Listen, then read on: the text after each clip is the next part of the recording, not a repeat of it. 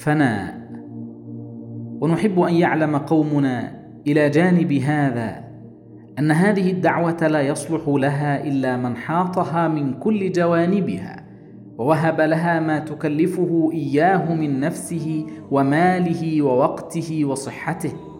قال تعالى قل إن كان آباؤكم وأبناؤكم وإخوانكم وأزواجكم وعشيرتكم وأموال اقترفتموها وتجارة تخشون كسادها ومساكن ترضونها أحب إليكم من الله ورسوله وجهاد في سبيله فتربصوا حتى يأتي الله بأمره والله لا يهدي القوم الفاسقين.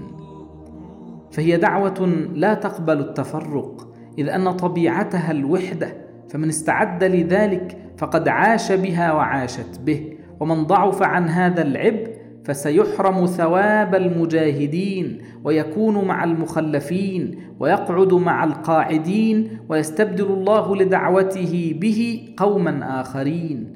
أذلة على المؤمنين أعزة على الكافرين يجاهدون في سبيل الله ولا يخافون لومة لائم. ذلك فضل الله يؤتيه من يشاء.